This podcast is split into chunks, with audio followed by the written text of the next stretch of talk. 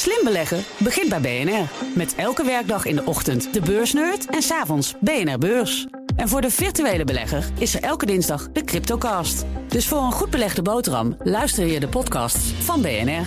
Blijf scherp. Mobility Update. Als je bij mij aankomt met goud, dan uh, geef ik ook wel iets Geen probleem, toch? Nee. Nee, precies. Nout Broekhoff van BNR Mobility. Hallo, goedemorgen. Goedemorgen. We gaan het hebben over eh, elektrische fietsen en fatbikes. Want er is voorlopig nog geen aanpak om het opvoeren van die apparaten tegen te gaan. En dus kan iedereen zijn goddelijke gang gaan. Zeker. Ja, er is een Kamerbrief gekomen van verkeersminister eh, Mark Harbers. En hij zegt de aanpak loopt vertraging op. Het vergt meer tijd dan voorzien. Heeft te maken met de effectiviteit en de uitvoerbaarheid van verschillende beleidsopties die hij heeft ontvangen. Uh, dat heeft te maken met een rapport van an de Antea Groep. Dat is ook nu naar de Tweede Kamer gestuurd. Dus daar kunnen we ook zien wat de mogelijke Ja, precies. Wat zijn de opties? Ja. Nou, eigenlijk een beetje een open deur. Eh, de- algeheel verbod op het opvoeren. Uiteraard. Nou, nee, kijk, je mag dus gewoon je fiets opvoeren als je maar niet op de openbare weg rijdt. Dan Mhm. Oh ja. moet je gewoon op. Moet je op je eigen terrein fietsen. Dat is Ja, handig. Ja. Heb je daar nou aan? Nee, niks. Dus dat werkt dus ook niet. Eh, Verder eh, stellen ze voor een invoering van een rijverbod met opgevoerde fietsen. Dus als je wordt gepakt, dan Ja. krijg je ook gelijk eh, een boete plus het afpakken van die fiets. Ja. En de invoering van een APK. En dat is wel grappig, want dat hebben we natuurlijk bij de auto. Ja. Maar eh, een controle van je fiets, dat kan niet, want er zit geen kenteken Nee, dus die op. Je kunt niet rechts. Dat zou mogelijk dus een optie kunnen zijn, dat je eh, ja, een soort kentekenregistratie gaat doen. al die van moofjes ook zo'n plaatje krijgen. Ja. En al die fatbikes. Ja, nu, ja, dat is natuurlijk wel weer eh, veel administratieve last. Staat ook in dit rapport. Dus ja, dit wordt allemaal afgewogen nu in Den Haag. En daarom loopt die aanpak dus vertraging op. Eh, voor het einde van het eerste kwartaal, dus aan het eind van maart, moet duidelijk zijn wat er gaat gebeuren. Dus eh, nog even afwachten. Ik ben Dus. heel benieuwd. Ja. Nijmegen heeft een eh, vrij rigoureus besluit genomen om het verkeer in de stad te verminderen. Wat gaan ze doen? Bandenlek prikken? Of Had ook gekund. Nee, spijkermatten? Had ook gekund. Nee, op termijn eh, verdwijnen eh, alle openbare eh, parkeerplekken in de binnenstad eh, van Nijmegen. Nijmegen. Alles gaat weg, behalve de parkeerplaatsen voor eh, gehandicapten. Dat moet ik er wel even bij Oh, die zeggen. krijgen weer een uitzondering. Ja, ja, en daarom er komt weer een fraude. Hè. Er komt gewoon fraude met die, met die Ja. kaart, met die parkeerkaart. Maar goed, dat, dat gaan we dan later wel zien. Wie met de auto naar het centrum gaat, moet parkeren in een parkeergarage of op een parkeerterrein buiten het centrum. Mhm. Wie het centrum wil bezoeken, kan gebruik maken van openbaar vervoer. eh, dat daar aangeboden wordt op die parkeerterreinen, net buiten de eh, stad. Daar komt deelvervoer te staan, want Hm. Ja. dat werkt ook fantastisch. Ja, hè. We- Dat zien we iedereen, iedere ja. dag eh, gebeuren. En er komt twee keer per dag een bus, of niet? Eh, Bus, ja, ja. Ja, een tram of metro hebben ze daar volgens mij niet. Eh, nee, eh, dus eh, ja, dit is een beetje de, de, de, de poging van de stad om Nijmegen weer terug te geven aan de, aan de inwoners.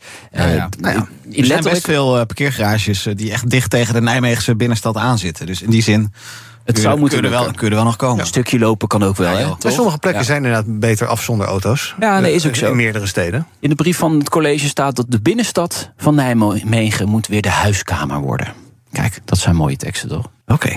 Houden we wel eh, die, eh, die Keizer Karel eh, rotonde en zo. Ja, dat is geen parkeerplaats, maar dat is wel iconisch. Le- levensgevaarlijk. jij echt een Nijmegen-kenner bent. Nou ja, een beetje levensgevaarlijke plek ook met die rotonde daar. Maar dat hoort een beetje bij de Nijmeegse binnenstad. Ja. Gaan ze zeker nu meenemen. Nu jij dit hebt gezegd, dat kan niet anders. dat wordt die huiskamer, denk ik. Ja. Levensgevaarlijke rotonde. Dan gaan er miljoenen naar een betere treinverbinding tussen Drenthe en Bad Bentheim. Want die- is er nu niet. Nee, goed? nou, Niet niet goed? genoeg. Eh, er gaat bijna 28 miljoen euro eh, naar eh, dat project. Het geld is afkomstig van de, de provincie Drenthe en het ministerie van Infrastructuur en Waterstaat. Het is nodig voor een rechtstreekse treinverbinding te- tussen Koevoorden en Bad Bentheim. Ja. Bad Bentheim is wel een belangrijke plek. Want Grensplaatsje. hè? Ja, Ja. juist. En het is een van de tussenstops van de eh, internationale trein. Dus eh, de, als je met de, de Intercity van Amsterdam naar Berlijn gaat, dan eh, de eerste tussenstop in Duitsland is Bad Bentheim. Ja, en Dus- waarom? Want eh, los van de treinstation heeft nog nooit iemand van Bad Bentheim gehoord. Dus waarom zou er in vredesnaam Intercity stoppen? Ergens moet de eerste Intercity in Duitsland stoppen natuurlijk. En dan, Duisburg, Düsseldorf, Keulen, Frankfurt, kan mij het schelen, maar toch niet Bad Bentheim? Ja, dan, dan ga je, dan, waarschijnlijk moet je dan omreizen. Dit is de snelste weg. Er eh. wonen 16.000 mensen in Bad Bentheim. ja, ik weet ook niet hoe dat Ja, ze zit. moesten heel lang stoppen omdat ze daar van locomotief moesten wisselen, geloof ik. Oh, Zeker die dat intercities. Ja, dat zou kunnen. Maar op zich, Bad Bentheim, er is een kasteel in Bad Bentheim, weet ik, en een soort casino. Oké.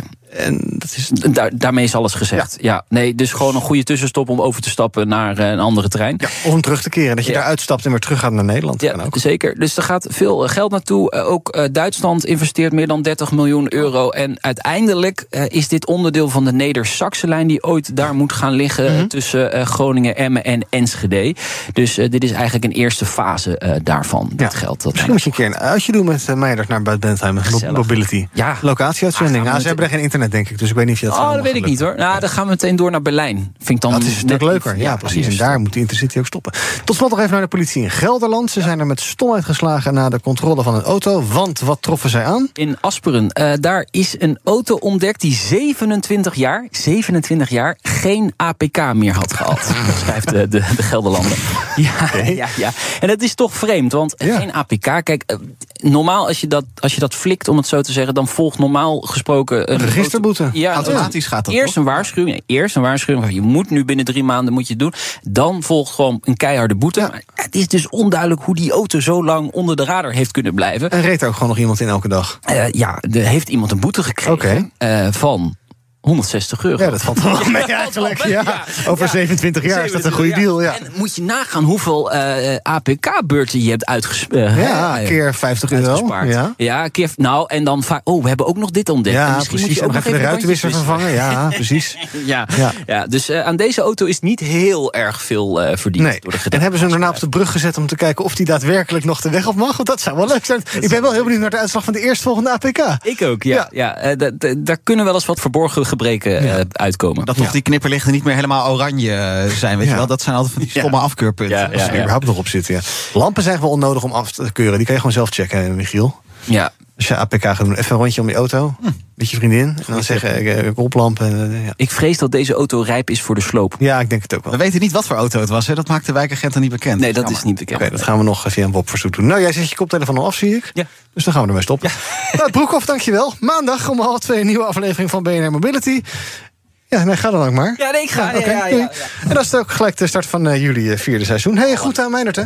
Doei. doei. BNR Mobility Update wordt mede mogelijk gemaakt door BP Fleet Solutions en ALD Automotive. ALD Automotive. Ready to move you. BNR Headlines. De hele dag binnen- en buitenlandse politiek. In Nederland hebben we geen munitiefabrieken. De hele dag economie. vijf dagen in de week bezorgen. Dat kan niet uit. De hele dag technologie. Amerikanen weer op de maan. Heb je eigenlijk geen tijd, maar wil je toch op de hoogte blijven? BNR Headlines. Het laatste nieuws, maar dan in het kort. Ga naar je podcast-app en abonneer je op BNR Headlines.